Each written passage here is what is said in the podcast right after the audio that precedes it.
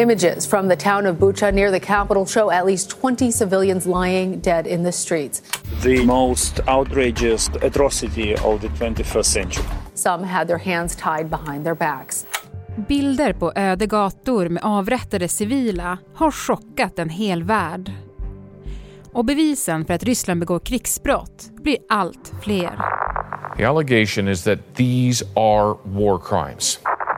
På en kvart får du veta varför Ryssland nu omgrupperar sig och hur miljonstaden Odessa förbereder sig för att bli nästa måltavla. Civilians are preparing for war. The question is not if the Russians will come, it's when the Russians will come. Det är tisdag den 5 april. Jag heter Alexandra Karlsson och det här är dagens story från Svenska Dagbladet.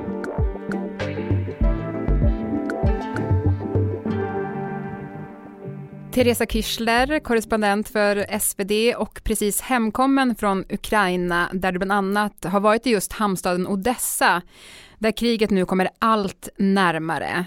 Hur förbereder sig människorna där? När jag var där då, då var det liksom dagarna före stormen. Och det kändes verkligen, det fanns en, en känsla av att man gick och väntade på någonting. Någonting skulle hända. Putin skulle liksom skicka bomber eller, eller soldater. Det fanns en sån här i väntan på Godot kallade vi det för, fotografen och jag, när vi åkte omkring den här klassiska eh, fantastiska litterära verket där två personer bara väntar en hel bok. det kanske inte är särskilt respektfullt att skoja på det viset men ibland, ibland måste man faktiskt ha en liten ventil när man går omkring och pratar med människor som är, faktiskt är, är rädda. Mm. Jag ska säga också att vi spelar in det här på måndag förmiddag, eh, så man vet ifall det skulle hända någonting. Eh, och sen också hör man lite grann på dig Therese att du har en förkylning. Ja, jag låter konstig, men det går bra ändå. Mm, ja, men toppen. Jag tänkte, en av dem som du mötte där i Odessa, det var 83-åriga Svetlana. Vad sa mm. hon till dig? Ja, det var ett väldigt gripande möte. Vi stod på en, en buss. Jag frågade henne bara rakt ut hur hon kände sig inför kriget och eventuellt en attack. Och då blev hon jätte, jätte, jätteledsen för hon hade förlorat sin man alldeles nyligen. Men kriget hade börjat och sen så hade då hennes man, sen, ja, hennes barns far och hennes livskamrat gått bort. Så nu hade hon, sa hon, bara liksom kriget och sorgen kvar. Och då började hon eh, skaka i hela kroppen och och man, tårarna steg i, i, ögonen på henne. Hon kom från en militärfamilj sa hon. Eh, så att, och det är inte helt ovanligt. Och det säger också, inte bara ekonomiskt strategiskt och kulturellt strategiskt, det är också militärt strategiskt eftersom det är en jättestor hamn mitt i Svarta havet. Så det finns väldigt mycket militärer där, flott, en flottbas och liksom där har tillbaka eh, till och med i Sovjettiden innan så har, så har då eh, liksom militärfamiljer bott där. Det finns en stor militärakademi där man utbildar framförallt flottan då i, i det här området. Så hon kom från en militär militärfamilj och var väl inte ovan vid eh, liksom det militära pratet och kanske eh, krig. Men, men hon var helt otröstlig. Hon var jätte, jätteledsen. Mm. Hennes sista tid i livet skulle vara krig. Mm. Mm. Om vi pratar om Odessa, du är ju lite inne på det, men det är ju en känd stad även utanför Ukraina och Ryssland. V vad kan man säga om Odessa? Det finns en väldigt romantiserad bild av Odessa i, som är mer så kulturhistorisk. Att det är en stad som är känd för att det var liksom ett, ett litet östligt Paris kanske för hundra år sedan. Där det flockades konstnärer och poeter och författare. Och eh, stora poeten Pushkin hade någon kärlekshistoria där. Och Katarina den andra, den ryska tsarinnan, hon grundade staden och, och bad italienska arkitekter att, att, att bygga upp eh, den liksom, moderna Odessa. Så det, det, är vackert, men det är lite slitet som så mycket annat i den här delen av Europa. Men man ser att det är liksom en, eh, en riktigt vacker stad. Den ligger så gudomligt fint vid, vid vattnet. Och sen så är den förstås ekonomiskt sett jätte, jätteviktigt därför att Ukraina exporterar mycket till utlandet, framförallt spannmål. Och de skeppas ju ut från hamnen i Odessa, de här enorma eh, fraktbåtarna. Så det är en väldigt viktig eh, ekonomisk stad. Så hur strategiskt viktigt är det för Ryssland att få kontroll över Odessa? Det finns två, två viktiga punkter där. Det ena är förstås då den rent geografiskt strategiskt militärt. Odessa ligger i Svarta havets, på Svarta havets nordliga kust. Det är en jättestor hamnstad. Och runt Odessa ligger tre, fyra andra stora hamnstäder. Så att man, vi vill ta liksom alla de där viktiga hamnstäderna och det har med liksom ekonomin och den militära placeringen att göra där. Sen ligger också Odessa mitt i, om man om man drar ett streck från östra Ukraina där det redan idag då finns eh, Donbass, de här två separatistområdena eh, eh, eller utbrytarregionerna som finns, Donetsk och Lugansk.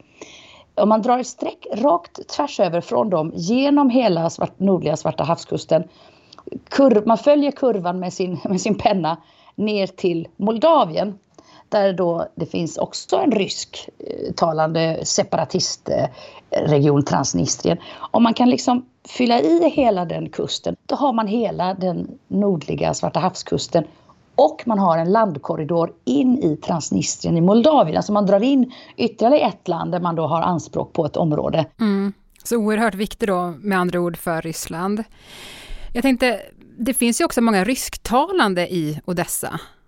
Hela den delen av Ukraina är eh, i majoritet rysktalande. Och vi frågade dem också hela tiden, liksom, vad innebär det för dig att du är rysktalande? På, på något sätt så verkar det som att eh, är liksom landet delat på de som pratar ryska och de som pratar ukrainska? Och de sa allihopa att nej, det har liksom inte varit så. Det har funnits Kanske man har sagt att det varit lite skillnad mellan östukrainare och västukrainare. Men det är väl lite konstigt att man kanske säger att det är skillnad mellan vad vet jag, skåningar och norrlänningar. Um, och att liksom det självklart har funnits en större tillknytning till det ryska i, i de delar av Ukraina där det talas mest ryska. Man tittar på rysk tv, man läser ryska tidningar, man kanske har en rysk eh, kulturhistoria med sig i sin familj och sådär. Men, men det är liksom inget konstigt. Jag trodde faktiskt att jag skulle komma till platser där liksom kanske de rysktalande gömde sig eller var rädda för sina grannar för att de helt plötsligt utpekas som liksom ryssvänliga. Men, men så var det inte alls eftersom alla pratar ryska. Och en jätteintressant reflektion som gjordes flera gånger av olika personer vi träffades det var att om Vladimir Putin trodde att han hade en massa rysk tillknutna ukrainare som pratar ryska och att de liksom skulle kasta sig i de ryska soldaternas armar och säga tack för att ni kommer och räddar oss härifrån från de ukrainsktalande ukrainarna. Då hade han helt fel. Eh, kommentaren Putin är den som har förenat oss alla hörde jag ett par gånger. Det är, det är ju liksom eh, vilken bedrift ändå. Putin har förenat alla ukrainare. det var nog inte det han hade tänkt sig. Men du, en sista sak om Odessa då. Man har ju sett bilder på hur man har förberett sig där väldigt länge på att, att det ska komma attacker. Alltså vad befarar de kommer hända där nu, de du pratar med? Många är rädda för landstigningar och eh, hela staden är barrikaderad. Hela centrum är fullt med eh, liksom, hinder för ryska stridsvagnar då, om de skulle dyka upp. Så det är Mm. Jag vet inte vad man kallar dem, men såna här grisar eller suggor. Såna här betong, stora liksom betongblock som man eh, lägger ibland när man inte vill ha bilfria gator. Hela innerstan är full med såna där betongsuggor. Eh, taggtrådar, stora högar med mm, lastbilsdäck som man har gjort liksom hinder med. Med sandsäckar. Man har till och med slått, alltså kända statyer har man liksom bakat in i sandsäckar. Det finns en mycket berömd staty av hertig Richelieu, en, en fransk hertig som, som eh, var med och grundade Odessa. Och hela hans staty är, är, nu bara som en stor, ser ut som en liten pyramid med sandsäckar som sticker upp eh, på ett torg. Liksom. Och i pyramiden så ligger, så står statyn. Så man är rädd för en landstigning helt enkelt. According to our intelligence, Russian units are not withdrawing but repositioning. Russia is trying to regroup, resupply, and reinforce its offensive in the Donbas region. Det kommer också uppgifter nu, Teresa, från flera håll om att Ryssland skiftar fokus till östra Ukraina och regionerna då Luhansk och Donetsk. Vad vet man om det? Ryssland och Vladimir Putin vill troligtvis eh, liksom göra, formellt göra de här regionerna, Luhansk och Donetsk, till ryska regioner. Nu är de ju ryskstödda separatistregioner och de styrena i de här två städerna, Luhansk och Donetsk, är ju liksom någon slags ryska eh, marionetter för den ryska makten. Men det är ju formellt inte Ryssland i någons ögon, förutom eh, Vladimir Putins egna. Så kanske ville han få till då en eh, situation där, där Zelensky, president Zelensky i Kiev säger att vi måste sluta kriget, och, men, men ni kan ta liksom, östra Ukraina. Men du vet, gapar, gapar efter mycket. Jag tror ju inte att han kommer låta sig nöja med det, utan han kommer vilja ha alla dessa hamnstäder på Svarta havets nordliga kust. Det kommer ju också uppgifter nu från Storbritanniens försvarsdepartement att den ökända Wagnergruppen, som gjort sig kända för fasansfulla övergrepp i olika krig, också flyttas till Donbassregionen. Hur tolkar du det, Teresa? Ja, det är ju att man trappar upp kriget. Wagnergruppen är ju en, prof en väldigt professionell eh, liksom superinsatsstyrka. Jag vet inte vad man skulle kalla det militärt. Men det är klart att det tyder på att man skickar de ja, bästa gubbarna eh, inom citationstecken till eh, Donbass. Det är inte värnpliktiga 18-åringar som man skickar dit. Eh. Så att det är ju en upptrappning av, av, av kriget. Wagnergruppen har kallats ibland för Vladimir Putins egen eh, armé. Eh, ibland säger man att det är legosoldater men i 99 fall av 100 så är det Putin som ger dem order, inte bara någon som liksom betalar dem. Under flera veckor har det också förekommit våldsamma attacker mot eh, Mariupol. Eh, där var ju då dels eh, ett barnsjukhus som bombades och även en stor teater där det kommit fasansfulla vittnesmål ifrån. Vad händer i Mariupol nu? Det är inte mycket kvar av Mariupol. Är, jag har sett eh, jämförelser som har gjorts då mellan Mariupol idag och Sarajevo på på 90-talet. Eller man skulle kunna gå ännu längre tillbaka och titta på hur liksom, Warszawa blev bara grus kvar efter, efter andra världskrigets slut. Ja, det är ju fruktansvärt. Eh, vad som händer i Mariupol är för det första att staden töms för att civila försöker fly. Man, man ger ju fri lejd för vilken fiendemakt som helst att bara rulla in med sina stridsvagnar och, och ta över. Mm. Hur viktigt är det för honom att vinna Mariupol? Det, det här området är liksom den stora brinnande punkten. Vladimir Putin har i flera tal sagt att det här är inte ukrainare, det är en artificiell identitet. De är ryssar helt enkelt. Det här är ett ryskt folk. Och, och det svepande säger han ju om ganska många områden, inte bara Ukraina utan hela... Han, han menar att de är ryssar allihopa. Och de ska han ha tillbaka till moder Ryssland. Outrage, grief, and sorrow as Ukraine accuses Russia of a massacre in Kiev's suburbs. These were civilians. Nobody was wearing a military uniform. Residents who were out riding a bicycle when they were gunned down.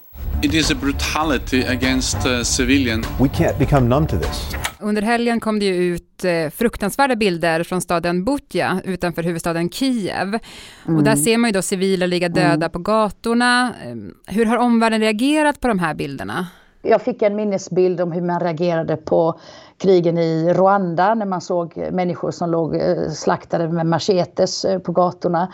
Eller Sarajevo, Srebrenica, alla de här vidriga bilder man har sett på just döda kroppar som helt eh, under all värdighet och, och mänsklighet ligger slängda i, i diken och massgravar. Nej, det, det går ju inte att säga något. Jag, jag menar, det, det, det, är ju inte svårt att förstå varför så många miljoner lämnar eh, Ukraina eh, vind för våg. Vi såg ju vi såg ju vid gränsen, vi körde alltså in i Ukraina från Polen och sen tio dagar senare så körde vi ut igen. Och både på invägen och utvägen så är det ju enorma köer med människor som flyr och de har med sig vad de får plats i, ryggsäcken, en sån här liten rulleväska kanske och, och, några påsar och så har barnen fått vad, vad de orkar bära. Eh, och jag tror att omvärlden som sagt det, det blir en fråga för någon brottsmåls eh, tvistedomstol, en sån här brottsmålsdomstol, ICC kanske. Och då är ju återigen frågan, kommer Ryssland att bry sig om det? Det tror inte jag. Men förändrar de här bilderna från Butja någonting i kriget?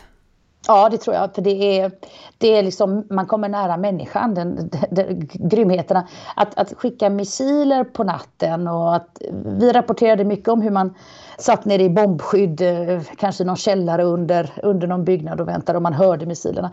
Men man ser ju inte kriget när det handlar om eh, missiler som hörs i fjärran. Men att se de här grymheterna och de här döda kropparna, det förändrar ju allt. Det förändrar ju det blir ett brott mot mänskligheten på ett eh, jättedirekt eh, synligt sätt som man, man reagerar ju med, med fasa och skräck på det här. Men du, eh, jag tänkte på en sak också när det gäller Ryssland. De menar ju att de här bilderna är iscensatta för att smutskasta Ryssland. Hur ska man förstå det? Ja, alltså det är den som äger språket och mediestationerna, radiomasterna och tv-masterna är ju också den som liksom styr berättelsen. Det är inte en slump att eh, den första bomben som faller, en av de första eh, missilerna som föll över Lviv, den här ukrainska staden i västra Ukraina, ganska nära gränsen till Polen, den föll på tv-masten. Det var den man var ute efter. Och när jag rapporterade från Donetsk och Luhansk för åtta år sedan så, så fick jag reda på att det första de gjorde var att storma radio och tv-masterna. Det är det första. Man tar över berättelsen, man tar över historieskrivningen. Ja, men Teresa, du var ju på plats i Ukraina i tio dagar och har precis kommit hem till Bryssel då, där du bor. Vad tar du med dig från de människorna som du träffade i Ukraina? Jag tar med mig en del av deras känsla av hopplöshet faktiskt. Eh, vi pratar mycket om mod och mod och stridsglöd och kämpaanda och så vidare. Men jag tar faktiskt med mig den här 83-åriga Svetlanas eh, hopplösa öde. Bara sorgen över kriget. Och bara sorgen över att se dessa förstörda städer. Det kommer ju krävas åratal av uppbyggnad. Människor vars hela liv har raserat deras hem och deras hemstäder. Det kommer att krävas enormt mycket pengar som ska komma från väst. Det kommer behövas enorma insatser och det tror jag i sin tur kommer göra att Ukraina kanske, Ukrainas väg till EU som de så gärna vill bli medlemmar i kommer att bli jätte, jättelång för att det är ingen, tror jag, i det rika Europa som vill ta in ett sönderbombat jättefattigt land med 45 miljoner invånare. Så jag måste tyvärr avsluta med liksom en, en, en hopplöshetskänsla här. Och även om kriget tar slut och, och människoliv skonas så är det en fruktansvärd uppförsbacke som landet Ukraina har framför sig med pengar, uppbyggnad, bara bygga ihop sina liv igen. Tack Teresa Kischler för att du var med i Dagens Story. Tack. Programmet idag producerades av Elin Romeliotto. Redaktör var Teresa Stenler von Matern. Och jag heter Alexandra Karlsson. Vill du kontakta oss så mejla dagensstory.svd.se. Klippen i dagens program kom från CBS News, Sky News och CBC News.